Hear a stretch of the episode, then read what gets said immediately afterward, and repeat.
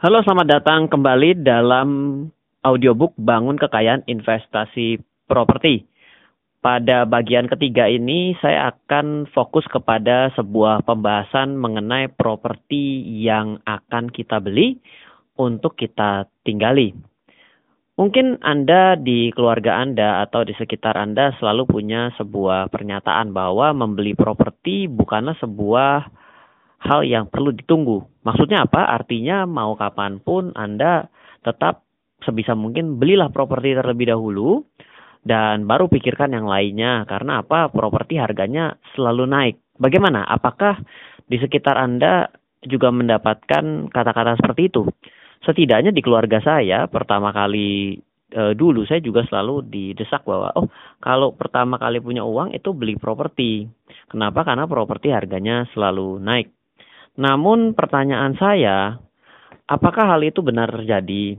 Kalau memang Anda mungkin berpikir hal itu benar terjadi, maka saya kira hal itu sudah gugur dengan apa yang pernah saya katakan bahwa salah satu daerah di Indonesia yaitu dekat dengan Jakarta yaitu di Bogor di puncak yang puncak ya yang ada yang e, beberapa tahun yang lalu itu sempat ramai mengenai villa dan hari ini harga villanya jatuh karena mulai berkurang peminatnya, tidak di-maintain oleh developernya dan juga dibangunnya tol Jakarta Bandung membuat peminat orang untuk datang ke puncak itu mulai mengalami penurunan.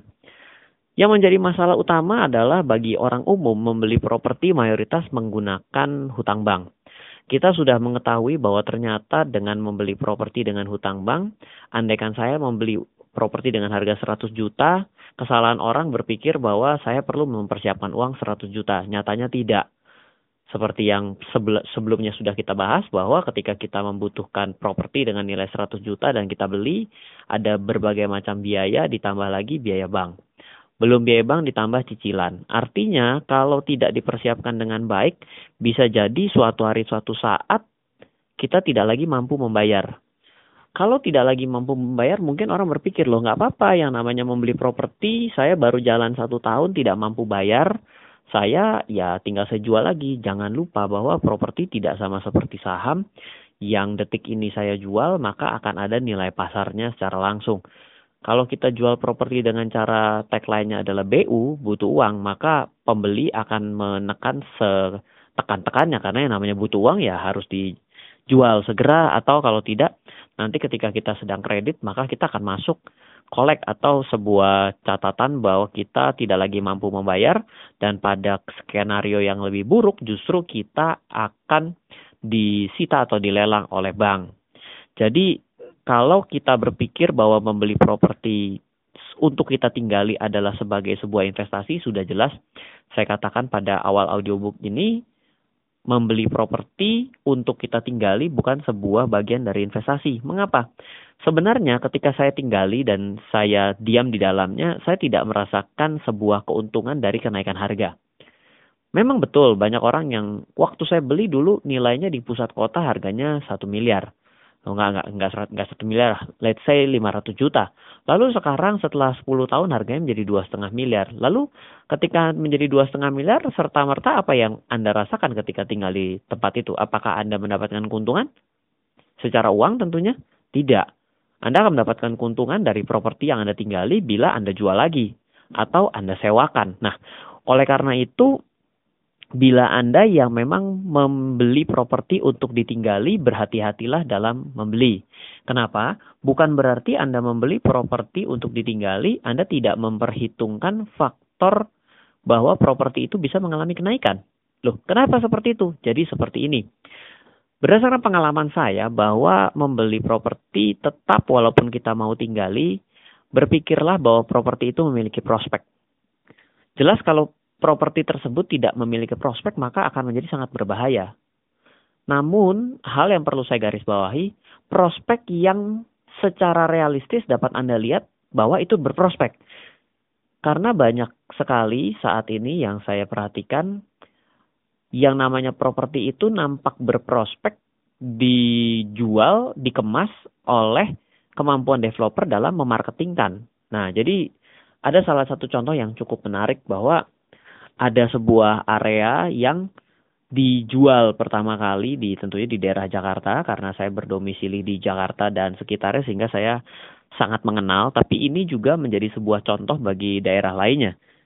Ada sebuah uh, komplek yang baru dibangun oleh developer yang cukup ternama di mana propertinya dijual dalam bentuk rumah tinggal. Tentunya dalam bentuk klaster pertama dia jual dan laku keras.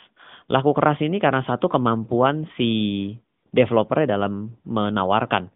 Namun apa yang terjadi adalah ternyata setelah dijual, walaupun sudah berjalan beberapa tahun sudah serah terima, kompleknya itu tetap sepi. Nah, bila kompleknya tetap sepi, otomatis akan terjadi masalah di sini. Satu, yang mau tinggal juga takut. Betul tidak? Apakah Anda berani kalau misalnya dalam satu komplek 10 rumah, 100 eh, rumah yang terisi cuma 5 rumah? Ya kalau dimalingin terus gimana minta tolongnya? Betul nggak? Nah, itu pertama. Lalu otomatis kalau seperti itu akan saling tunggu menunggu. Ya, tentunya Anda ketika misalnya Anda punya, Anda juga akan berpikir, waduh saya belum ada temannya nih. Lah, terus kalau 100 rumah sama-sama berpikir sama-sama tidak punya teman, lah kapan tempat itu terisi, betul nggak? Nah, ini yang terjadi bahwa bisa jadi lebih parah lagi adalah tidak terisi-isi karena yang beli dalam tanda kutip mau investasi. Artinya adalah yang yang mau beli dalam arti kata investasi ya udah didiemin aja tunggu rame, tunggu bergulir, dijual. Nah, di sini terjadi suatu hal yang disebut dengan harga yang stagnan, di mana arealnya tidak hidup, harga sewanya tidak naik-naik, harga jualnya menjadi stagnan. Lah, ini belum selesai masalahnya. Developer ini bikin apartemen di belakangnya. Yang lucunya lagi, apartemennya dijual dan laris lagi sama para investor tanda kutip dalam sudut pandang saya. Kenapa? ini jelas saja prospeknya tidak akan bagus. Kenapa? Dibikin yang landed house aja yang nempel sama tanah itu tidak laku, tidak bisa hidup kawasannya. Apalagi dibangun rumah susun yang di yang disusun ke atas dengan kawasan yang sama. Jadi ya lucunya sold out juga gitu. Jadi artinya di sini yang beli itu apa punya analisa bahwa itu bisa mengalami kenaikan. Kenapa diperlukan sebuah kenaikan? Kenapa kenapa perlu sebuah kenaikan meskipun misalnya ditinggali? Umpama saya melihat satu tempat, oh ternyata tempat ini kayaknya cukup bagus. Saya masuk dengan harga beli 100 juta, seumpamalah. Saya tinggal di sana tiga tahun, saya nyaman. Seiring dengan waktu, pendapatan saya baik. Saya punya uang yang lebih. Saya juga ingin punya rumah yang lebih baik. Kenapa saya punya rumah yang lebih baik? Mungkin saat ini anaknya cuma satu. Cukup dua kamar. Kalau nanti anaknya dua, putra-putri seiring dengan waktu tidak mungkin cuma dua kamar. Akhirnya harus jadi tiga kamar. Nah, nggak mungkin dong kalau ternyata mau direnov tempatnya ternyata tidak memungkinkan, ukurannya tidak cukup. Nah, dari sinilah faktor pengungkit yang bisa dijadikan kata-kata saya pada buku saya katakan sebagai batu lompatan.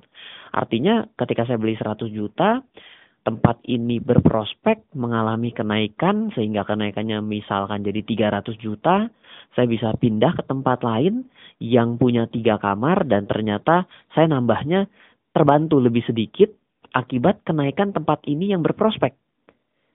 Saya, saya kira Anda bisa memahami hal ini. Tapi baiklah saya akan coba ulang lagi di bagian ini. Saya katakan kalau Anda membeli properti untuk Anda tinggali sekalipun, Anda tetap harus memperhatikan faktor performance atau progresnya. Progres itu sebenarnya sangat mudah. Kita bisa, kalau memang progres itu bisa terlihat untuk sesuatu yang sudah jadi. Ini masalahnya banyak yang beli dari tanah kosong. Kalau yang dibeli dari tanah kosong, ini akan menjadi masalah. Nah, kalau saya pribadi, saya lebih suka beli secondary. Memang betul, mungkin Anda berpikir, wah kalau beli secondary mah mahal sekali Pak Ryan. Kan udah terjadi kenaikan harga, betul. Le lebih pilih mana? Anda membeli sedikit lebih mahal karena sudah melihat progresnya baik, atau Anda membeli sesuatu yang kucing dalam karung yang Anda belum tahu, yang cuma dijanjiin, yang tiga tahun lagi katanya selesai, yang katanya rame ternyata nggak rame. Nah, ini yang sangat penting kita ketahui bahwa kalau kita beli yang memiliki progres, maka kita akan mendapatkan batu lompatan batu lompatan karena yang tempat tersebut mengalami kenaikan harga lebih daripada percepatan harga pasar. Sehingga kita bisa dapat tempat lain untuk kita tinggal lebih layak dengan bantuan menjual tempat tersebut. Artinya di sini saya bicara sudut pandang kalau kita mau memiliki properti rumah tinggal ataupun bukan rumah apa pun apartemen tapi bisa menjadi batu lompatan. Intinya harus memiliki performance yang baik dan performance yang baik itu dapat kita lihat kalau sudah dibangun, kalau sudah menjadi secondary, sudah mulai terisi, sudah mulai terbentuk komunitasnya. Tapi sebenarnya kalau Anda membeli dari tanah kosong yang masih berupa janji developer sih, sebenarnya menurut saya agaknya itu menjadi sebuah agak semi spekulasi. Mengapa demikian? Anda boleh cek lah tempat-tempat yang dikembangkan developer ternama sekalipun tidak semuanya berhasil. Oleh karena itu sebenarnya Anda juga punya chance untuk rugi ketika Anda membeli properti yang sifatnya masih berupa janji. Nah, selain itu, ketika Anda memiliki properti yang sifatnya produk eh, sifatnya memiliki performance atau progres yang baik, anda bisa melakukan switching atau mengubah tempat tersebut menjadi sebuah sarana investasi. Loh, maksudnya bagaimana? Jadi begini. Saya contohkan kejadian nyata oleh teman saya. Dia membeli rumah tinggal di daerah yang e, dekat dengan fakultas. Dulunya fakultas sepi, lalu dia masih beli di sana dengan tekun dia bayar bayar yang namanya apa namanya KPR Lalu seiring dengan waktu dia punya pendapatan lebih baik, tapi dia melihat oh ternyata tempat ini tidak salah saya beli karena makin hari makin bagus, makin rame dan sudah mulai banyak yang buka kos-kosan. Alhasil walaupun cicilan KPR belum selesai, dia membangun rumah tersebut jadi kos-kosan. Membangun rumah tersebut jadi kos-kosan, lalu dia kos-kosin. Dia bikin kos-kosan di sana dan ternyata setelah dia kalkulasikan, KPR yang sisanya, yaitu cicilan KPR-nya itu dapat ditutupi dari kos-kosannya. Sehingga dia sudah aman, ibaratnya rumah tersebut sudah mencari makan, mencari bayaran KPR dari rumahnya sendiri. Dan dia pindah ke tempat lain, sehingga dia memiliki aset dua sekarang. Jadi dia bisa pindah ke tempat lain karena dia pendapatannya membaik, dia nyicil lagi di tempat lain dengan rumah baru dan lebih layak untuk keluarganya layak ini dalam arti kata bukan rumah yang pertamanya jelek, tapi seperti yang saya cerita bahwa kebutuhan akan rumah tinggal yang lebih luas, kebutuhan rumah tinggal berbentuk lingkungan dan lain sebagainya menjadi sebuah alasan. Dan aset yang pertama, properti yang pertama tempat tinggalnya berubah menjadi kos-kosan, mampu membayari atau self-financing kepada bank sendiri. Ini sangat keren. Mengapa? Karena ternyata dia justru mendapatkan uh, uang tambahan walaupun sedikit ya. Jadi uang uang dapat sewa menyewa kos-kosannya itu sekian, misalnya 10 juta, cicil ke banknya tinggal 9 juta. Ya lumayan, dapat 1 juta, sudah dapat 1 juta, rumahnya nggak hilang, bisa dapat rumah baru, dibantu nyicilin 1 juta dari rumah yang lama. Nah ini kan adalah suatu hal yang menurut saya hal yang keren, hal yang perlu kita pikirkan bahwa bisa sejauh itu eh, properti berbentuk rumah tinggal ya bisa menjadi daya pengungkit. Lalu e, selanjutnya seperti yang saya bahas juga bahwa ada orang punya pandangan waktu adalah segalanya. Jadi seperti yang tadi saya ceritakan bahwa orang selalu panas bahwa oh ini udah ada waktunya tidak ada lagi waktu lagi untuk bisa beli properti hari ini adalah paling murah besok lusa akan menjadi tambah mahal karena properti terbatas bla bla bla bla bla hal ini bisa benar dan bisa salah kenapa karena seperti yang saya katakan, memiliki tidak selalu indah. Memiliki tidak selalu indah. Coba Anda bayangkan bahwa di daerah satu kawasan dengan rumah harganya dua setengah miliar, Anda cukup sewa 25 juta, mungkin sampai dengan 40 juta. Artinya adalah hanya 1 sampai 2 persen. Kalau Anda memang tidak mampu, memang secara keuangan Anda tidak mampu, jangan karena dipanasin kata orang properti tidak bisa ditunggu pasti naik ke bulan, anda beli dengan nilai dua setengah miliar, Anda tidak mampu, dua setengah miliar saya nggak mampu, apalagi ngisinya, apalagi bayar biayanya, sehingga nanti Anda akan menggantungkan leher Anda pada sebuah tali gantungan yang membuat Anda bunuh diri. Ini terjadi oleh banyak orang. Kenapa? Karena tiba-tiba bunga banknya mengalami kenaikan. Tentunya nanti mengenai bunga bank akan saya bahas di si di audiobook sesi sel selanjutnya dari bangun kekayaan investasi properti. Namun artinya semua orang punya waktu untuk membeli properti. Kita harus sabar. Tidak tidak selalu bahwa uh, kita membeli properti hari ini itu lebih untung. Percayalah bahwa hal itu tidak selalu benar Meskipun memang pada saat ini lebih banyak benarnya, namun ketika nanti Anda punya masalah di sana, properti ini bukan sebuah barang yang liquid. Jadi ini please untuk kita pahami bersama bahwa jual properti satu bulan itu agak susah. Apalagi dua minggu. Dan tidak sedikit dari pengalaman saya sendiri untuk menjual properti dengan keadaan harganya sedikit premium.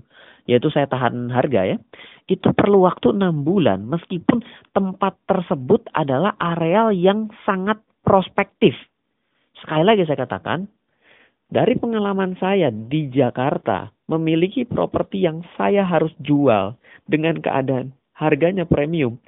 Itu tidak bisa hitungan satu atau dua bulan, tapi pengalaman saya kurang lebih 6 sampai 8 bulan baru bisa mendapatkan lawan dengan harga yang sesuai harapan kita itu pun masih ditawar. Bayangkan ketika enam bulan Anda sudah tidak mampu, apa yang terjadi? Rumah Anda sudah disita. Kalau Anda melakukan cicilan 3 juta, Anda cuma mampu 2,8. Anda paksa-paksain. Ternyata besok ada suatu kejadian dan lain hal Anda tidak mampu membayar 2,8. Anda tidak mau membayar 3 juta, jangankan 3 juta, 2,8 jadi nggak mampu gitu kan. Anda mau apa?